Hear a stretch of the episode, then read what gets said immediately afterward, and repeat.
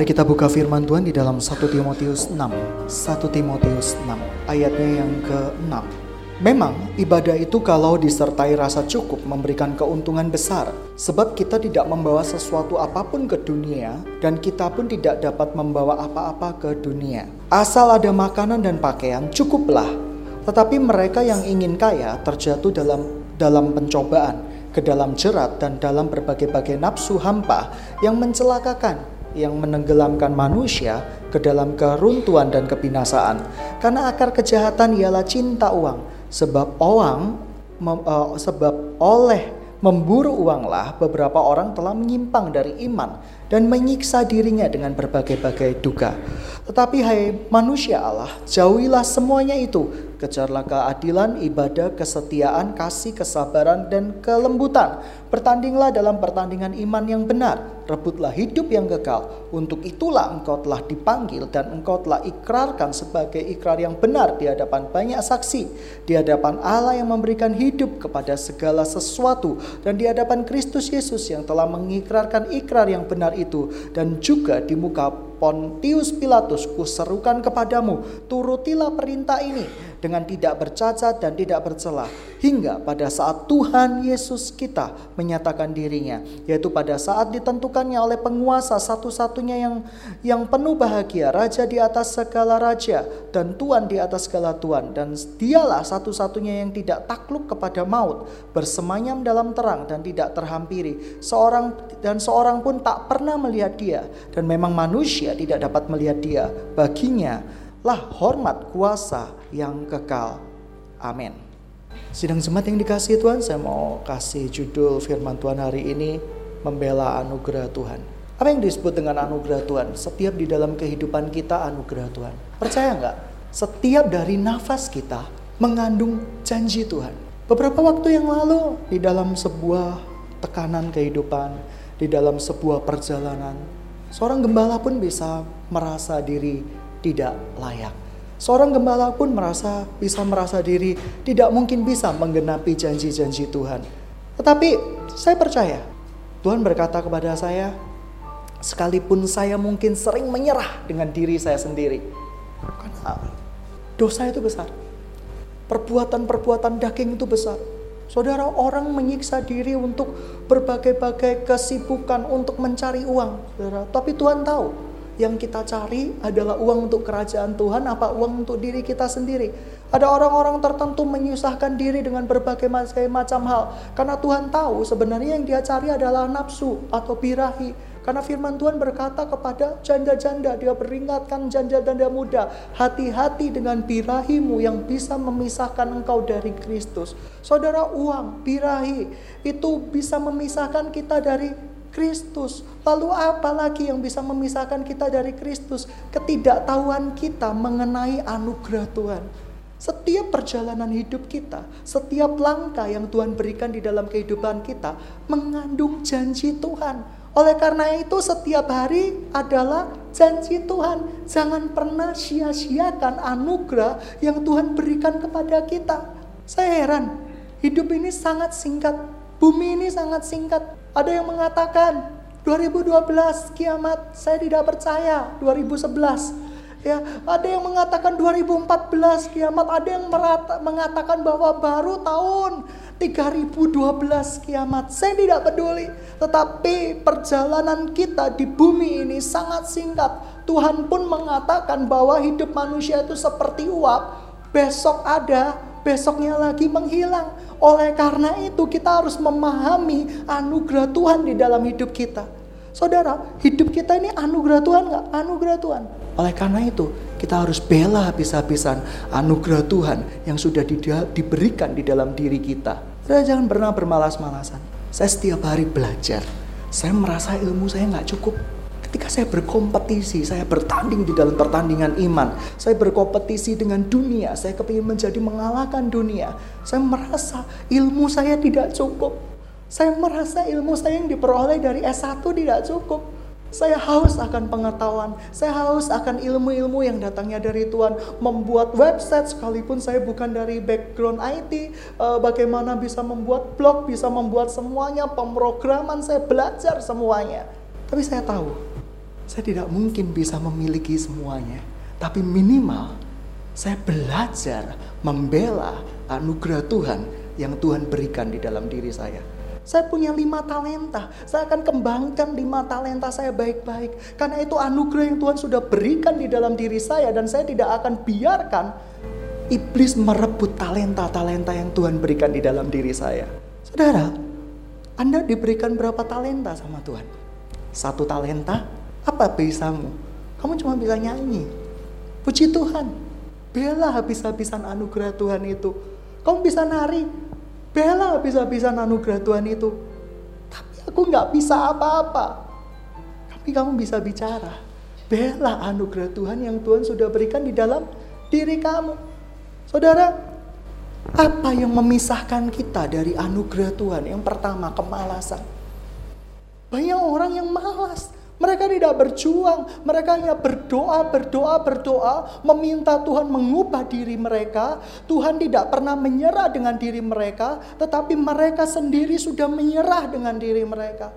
Hari-hari ini, saudara, Tuhan mau katakan kepada kita semua bahwa Tuhan tidak pernah mau menyerah dengan kita.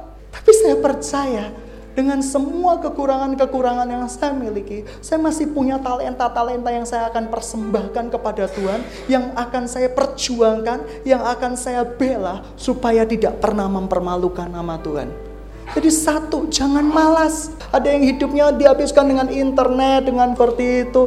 Ya kalau jadi berkat enggak apa-apa. Tapi kalau tujuannya cuma menyapa walau orang lain. Hai, apa kabarmu? Kurang kerjaan seperti itu. Kalau engkau belajar di sana, engkau mau jadi berkat di sana, menjadi kesaksian bagi banyak orang, tidak apa-apa. Cuma kepingin tahu kucingmu bagaimana, anjingmu gimana. Saudara, hidup kita bukan untuk ngurusi hal-hal yang seperti itu.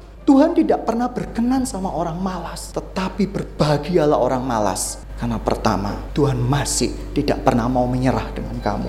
Selagi ada nafas di dalam kehidupan ini, Tuhan tidak pernah mau menyerah dengan saya. Tuhan tidak mau pernah menyerah dengan Anda. Ada seseorang yang frustasi, saudara, frustasi dengan tekanan kehidupan, terikat dengan birahi, berbagai-bagai macam birahi yang memalukan, saudara. Mungkin pembimbingnya sudah nyerah, Mungkin ketua Rikomnya sudah angkat bendera putih. Pertanda saya sudah tidak tahu lagi. Iblis aku serahkan anak ini ke dalam tanganmu. Mungkin gembala sidangnya sudah lari, sudah bingung. Tuhan, aku tidak tahu harus kau akan apa. Tapi Tuhan tetap mengatakan, aku tidak pernah menyerah dengan mereka. Sekalipun kamu sudah menyerah, sekalipun mereka sudah menyerah dengan miri mereka sendiri. Saya tanya sama Tuhan, Tuhan sampai kapankah engkau tidak pernah menyerah dengan kami? Tuhan jawab seperti ini, karena setiap nafasmu adalah janjiku. Wah, karena setiap nafasmu adalah janjiku. Dan setiap langkah-langkahmu hari demi hari adalah anugerah yang aku berikan. Aku tidak akan membiarkan anugerah yang kukirimkan di bumi ini akan pulang dengan sia-sia akan tidak akan pernah kembali ke tanganku. Saudara Tuhan akan bela habis-habisan anugerahnya di bumi ini. Dan bagi semuanya Tuhan kita adalah Tuhan yang besar. Tetapi bagi Tuhan kamu adalah anugerah yang tidak ternilai.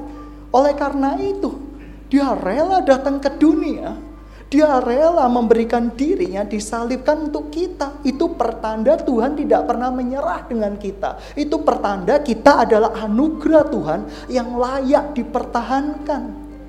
Kadang ketika saya berbicara dengan orang, ketika saya berbicara dengan seseorang, mungkin saya sudah menyerah. Sudah bawaannya orang itu seperti itu, susah diatur. Tapi Tuhan tidak pernah mengizinkan kita berbicara kasar, tetapi keras Yesus berbicara keras ketika tegur muridnya, Hai Paul, uh, Hai Petrus, kamu nyala karena iblis, engkau batu sandungan itu keras. Tapi Tuhan Yesus tidak pernah mesuh berkata, Hai anjing gitu ya, babi gitu ya. Hei Tuhan tidak pernah. Karena dia tahu kata-kata keras untuk mendidik, kata kasar untuk merendahkan martabat seseorang. Saudara, yang pertama, yang bisa memisahkan kita dari kasih Kristus, anugerah Tuhan yaitu kemalasan. Yang kedua, kemalasan. Yang memisahkan kita dari kasih Kristus. Tetapi kasih Kristus tidak pernah terpisah dari kita. Bingung kan? Yang kedua, kita menjauhkan diri dari kasih Kristus, tapi kasih itu tidak pernah bisa jauh dari kita. Artinya apa? Kasih itu mengejar kita, tetapi yang membuat kita terpisah bukan terpisah untuk selamanya, terpisah untuk sementara. Tetapi yang sementara ini kalau kita jaga, kita nggak akan bertemu dengan kasih itu sesungguhnya. Saudara, ilustrasinya seperti ini. Tuhan kejar kita dengan kecepatan 100 km per jam. Kita berlari dengan kecepatan 101 km per jam. Dekat nggak? Oh, kita dengan Tuhan dekat. Tetapi sebelum kamu berhenti dan berkata, aku menyerah Tuhan, Tuhan tidak akan pernah bertemu dengan kamu. Kamu nggak pernah bertemu dengan kasih karunia itu. Saudara, yang kedua, menyadari anugerah yang Tuhan berikan. Ada orang-orang tertentu yang tidak terima dilahirkan dari keluarga miskin Nah, saudara, ketika kita berbicara seperti itu, mungkin kita mulai marah dengan Tuhan, kita mulai menyesal. Mengapa aku dilahirkan di keluarga seperti ini? Orang lain punya mobil, saya pergi tahu enggak naik mobil juga, ya kan? Tapi bemo lain seperti itu. Saya tidak terima Tuhan. Harusnya kamu bersyukur. Kamu berganti mobil tiap kali teman-temanmu tidak mungkin bisa merasakan kadang bemo GS 02, 04, 06 berganti setiap hari. Dengan berganti-ganti sopir, sekarang cari tenaga kerja susah. Ya kan kamu punya supir pribadi. Yang kedua, saudaraku, yang bisa memisahkan sementara kita dari kasih Kristus, saudara. Yang pertama kemalasan, yang kedua tidak ada pengucapan syukur. Ingat, ibadah kalau diikuti dengan rasa cukup itu akan luar biasa. Tetapi kalau ibadah tidak diikuti dengan rasa cukup atau ucapan syukur, maka ibadah itu akan menjadi ibadah yang sia-sia. Saudara, yang ketiga, apa yang bisa menjauhkan kita sementara dengan kasih Kristus? Birahi kita. Itu bisa memisahkan engkau dari kasih Kristus. Bisa membuat engkau sementara terpisah dari kasih Kristus. Oleh karena itu, buanglah itu sebelum itu menjauhkan kamu dari kasih Kristus. Bagaimana cara membuangnya? Latilah tubuhmu. Saya nggak berkata bahwa saya orang yang oh super sakti itu ya, orang yang hebat, orang yang bisa jauh dari godaan. Tidak, saudara. Tetapi kita melatih diri kita supaya kuat. Yang keempat, apakah yang bisa membuat kita jauh sementara dari anugerah Tuhan itu? Hawa nafsu. Hawa nafsu itu apa? Siapa yang bisa puasa Esther? Seringkali bisa puasa Esther. Tiga hari, tiga malam. Saudara, kadang puasa itu mengendalikan hawa nafsu. Ketika engkau berpuasa, pastilah ada godaan. Terus, siapa yang ulang tahun lagi? Oh, eh, Siapa yang ulang tahun lagi ya? Itu godaan yang dikirimkan iblis untuk menghancurkan puasa kita. Kira-kira apa yang harus kita lakukan supaya hawa nafsu itu tidak memisahkan kita dari kasih Kristus? Ataukah kita mulai meralat puasa kita dan berkata bahwa Tuhan ini anugerah. Ya, saudara, apa aja yang disebut dengan anugerah Tuhan? Kehidupan ini anugerah Tuhan. Saya ada sebuah cerita, saudaraku. Ini cerita nyata. Ada seorang ayah, uh, seorang bapak dan ibu, pasangan masih muda. Mereka mau melahirkan anak pertama mereka. Dan anak pertama mereka dilahirkan. Pada usia tiga bulan, kena kelainan katup jantung. Pada usia empat bulan, ginjalnya bermasalah. Pada usia yang ke-8 bulan, tulang punggungnya, saudaraku, itu bermasalah. Ayah ibu ini adalah seorang yang sangat kaya raya. Sangat kaya raya. Dia jual apartemennya. Dia jual mobilnya. Dia jual semuanya. Untuk supaya anak ini bisa hidup. Padahal dokter sudah berkata, stop menjual barang-barang. Mengapa? Karena anak ini pasti mati. Lalu ayah ibu itu dengan menangis dia berkata kepada dokternya. Dokternya terkejut. Dia berkata bahwa anakku adalah anugerah Tuhan yang harus saya bela sampai kapan pun. Sekalipun resikonya dia akan meninggal. Tapi setiap kehidupan, setiap hari yang Tuhan izinkan saya bertemu dengan dia itu anugerah. Dan aku akan beli anugerah itu kalau bisa dengan berapapun harganya. Dokter itu syok. Seringkali seorang dokter berkata bahwa sudah tidak ada harapan hidup. Seorang dokter memutuskan hidup seseorang. Anak itu meninggal. Ayah dan ibunya sangat sedih. Dia sudah tidak punya apa-apa, perusahaannya sudah dijual. Kira-kira dia menjadi orang yang sangat, sangat, sangat, sangat miskin. Empat tahun kemudian mereka punya anak dan anaknya sehat. Yang kedua ini datang ke dokter yang sama, periksakan anaknya. Lalu dokter itu tanya, kamu kok masih-masihnya bisa memeriksakan ke saya? Saya ini dokter spesialis yang mahal, uangmu kan udah habis. Lalu si ayah ini berkata seperti ini, saya tahu kalau saya membela anugerah Tuhan, Tuhan tidak akan pernah mengecewakan saya. Tuhan akan bela saya. Tuhan akan berkati saya dengan berkat melimpah. Empat tahun kemudian, yang tadinya dia punya satu apartemen, dia punya sepuluh apartemen. Yang tadinya dia punya cuma satu perusahaan, dia punya sepuluh perusahaan. Dokternya sampai bingung, bagaimana bisa? Akhirnya dokternya itu bertobat.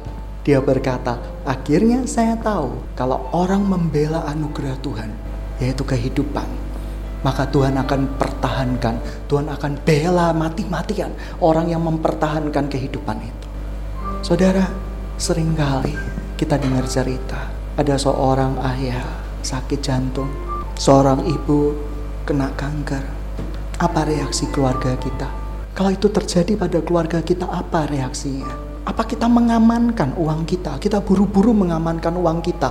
Yang mati, yang mati, yang hidup, yang hidup. Seringkali kita seperti itu. Tapi ingat, Tuhan membela orang yang membela anugerah. Hidup itu adalah anugerah. Yang kedua, apa yang disebut anugerah Tuhan? Talentamu adalah anugerah Tuhan. Pertahankan baik-baik talentamu. Karena suatu saat Tuhan akan pakai talentamu itu untuk memberkati orang lain. Untuk menjadikan namanya dimasyurkan di seluruh bumi. Akan menjadikan talenta-talentamu sebagai perpanjangan tangan Tuhan. Untuk memberitakan betapa dia Allah yang besar di muka bumi ini. Dan yang ketiga, apa yang disebut dengan anugerah Tuhan. Kita ngerti talenta. Yang ketiga adalah tubuh. Tubuh kita adalah anugerah Tuhan yang tidak ternilai. Jaga tubuh kita, rawat tubuh kita. Jangan turuti keinginannya supaya ketika pada saatnya kelak Tuhan memanggil kita, kita tidak sedang bermasalah dengan sakit jantung. Kita tidak sedang bermasalah dengan pembesaran kelenjar. Kita tidak sedang bermasalah dengan semua yang ada di dalam tubuh kita tubuh kita pertahankan. Karena itu karunia Tuhan, karena itu anugerah Tuhan. Hai cowok-cowok, hai perempuan-perempuan tuh pertahankan tubuhmu, sejaga kekudusanmu sebagai anugerah Tuhan yang maha suci. Ketika engkau membela kekudusanmu, ketika engkau membela hidupmu, ketika engkau membela tubuhmu sebagai bait Allah, Tuhan akan bela engkau habis-habiskan dan engkau akan ditempatkan di tempat yang tinggi di hadapan Tuhan karena dia tahu bagaimana cara membela orang-orang yang membela hidup mereka sendiri. Dan yang berikutnya, apa yang disebut dengan anugerah Tuhan?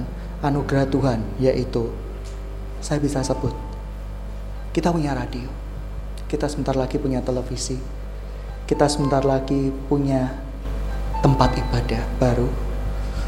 Saya cuma mau berkata bahwa God, kenapa saya rela di dalam semua pekerjaan saya. Mungkin berkat-berkat yang Tuhan berikan sama saya tidak ternilai, mungkin sampai puluhan juta. Tapi percayalah, saya menggunakannya hanya 10 sampai 20 persen. Tidak lebih dari itu. Karena bagi saya, banyak janji Tuhan yang harus dibela di dalam kehidupan ini. Tuhan punya janji yang besar buat tempat ini. Tempat ini akan mewarisi kaki Dian tempat ini akan mewarisi janji-janji Allah. Tahun ini setelah tujuh tahun ketiga atau setelah kita punya tujuh fondasi, tujuh tahun pertama yaitu dari tahun 98 sampai 2005. Dari tujuh tahun kedua dari tahun 2005 sampai 2012 itu peletakan dasar kalau kalian bisa lihat di website kita yang sudah ditulis sejak lama itu janji Tuhan. Dan tujuh tahun ketiga setelah tahun 2012 Tuhan berkata apa? Aku akan berikan penuaian yang besar-besaran dan itu sudah terjadi semenjak berdirinya fondasi gereja ini. Semuanya digenapi Tuhan. Semuanya janji Tuhan digenapi tahun 2005, 2004 berdiri gereja ini. Tuhan janji dari tahun 98 yang masih kami masih di kampus bahwa kamu akan letakkan dasar selama tujuh tahun ini setelah tujuh tahun kedua, engkau akan betul-betul memperkuat kekokohan bangunan itu. Yang ketiga, akan terjadi penuaian yang besar-besaran. Saya akan bela janji Tuhan itu. Saya akan bela habis-habisan karena saya tahu ketika saya membela janji Tuhan, Tuhan pun akan bela saya habis-habisan. Ketika saya tidak pernah mau, uh, tidak pernah mempermalukan Tuhan, Tuhan pun tidak akan pernah mempermalukan saya. Saudara, gereja ini adalah anugerah Tuhan. Saya akan lakukan dengan cara apa pun supaya gereja ini menjadi gereja perjanjian ya Tuhan. Gereja ini semuanya anak-anak di tempat ini adalah anugerah Tuhan walaupun sering kali menurut saya kadang menjadi sebuah bencana gitu ya kalau berhadapan dengan anak-anak nakal, anak-anak gelandangan gitu ya seperti itu. Tahu kan anak-anak gelandangan tidak ikut pembapaan itu gelandangan gitu ya seperti itu. Anak-anak yang susah diatur gitu ya seperti itu, tidak punya bapak, tidak punya ibu, rasanya sudah menyerah dengan mereka. Tapi menurut saya Tuhan masih menganggapnya sebagai anugerah dan walaupun berat, walaupun susah, saya akan berusaha membela anugerah Tuhan yang dikirimkan di tempat ini. Saudara, saya nggak akan baca firman panjang lebar lagi. Karena saya kasih judul firman Tuhan hari ini membela anugerah Tuhan. Yang jadi pertanyaan saya yang terakhir. Sudahkah engkau membela anugerah Tuhan di dalam hidupmu? Tubuhmu, talentamu, kehidupanmu, kehidupan orang tuamu, kehidupan anak-anakmu, Sudahkah engkau membela anugerah Tuhan? Kalau engkau berkata, aku sudah membela Tuhan, saya percaya engkau berada di tempat posisi yang disempurnakan oleh Tuhan. Saya percaya, sidang jemaat yang dikasih Tuhan, hidup adalah sebuah perjalanan. Kita nggak tahu kapan perjalanan itu akan berhenti. Karena bagi Tuhan, setiap nafas kehidupan kita adalah blessing, adalah berkat. Karena setiap hari di dalam kehidupan kita adalah tujuan Tuhan itu sendiri. Oleh karena itu belajar, belajar menjadi orang-orang yang membela anugerah Tuhan. Siapa yang hari ini mau berkata, Tuhan, aku akan bela habis-habisan. Kalau engkau punya talenta di tempat ini, engkau dikasih-kasih karunia Tuhan untuk berdoa, berdoalah sungguh-sungguh buat tempat ini karena tempat ini milik Kristus. Tempat ini bukan milik saya. Tempat ini bukan milik penatua-penatua yang lain. Tempat ini milik Kristus. Kalau engkau merasa bahwa engkau diberkati. Engkau betul-betul rindu untuk mengembangkan talenta di tempat ini. Pergunakan sebaik-baiknya. Karena Tuhan tidak akan pernah lupa dengan orang-orang yang membela anugerah Tuhan. Hari ini Tuhan cuma mau tantangan. Siapa yang mau jadi pembela-pembela anugerah Tuhan? Angkat tanganmu, taruh tangan kirimu di dadamu. Izinkan roh kudus bekerja di dalam hidupmu. Janji Tuhan adalah kehormatan bagimu. Tubuhmu adalah kehormatan bagi Tuhan. Hidupmu adalah kehormatan bagi Tuhan. Panggilanmu adalah kehormatan bagi Tuhan.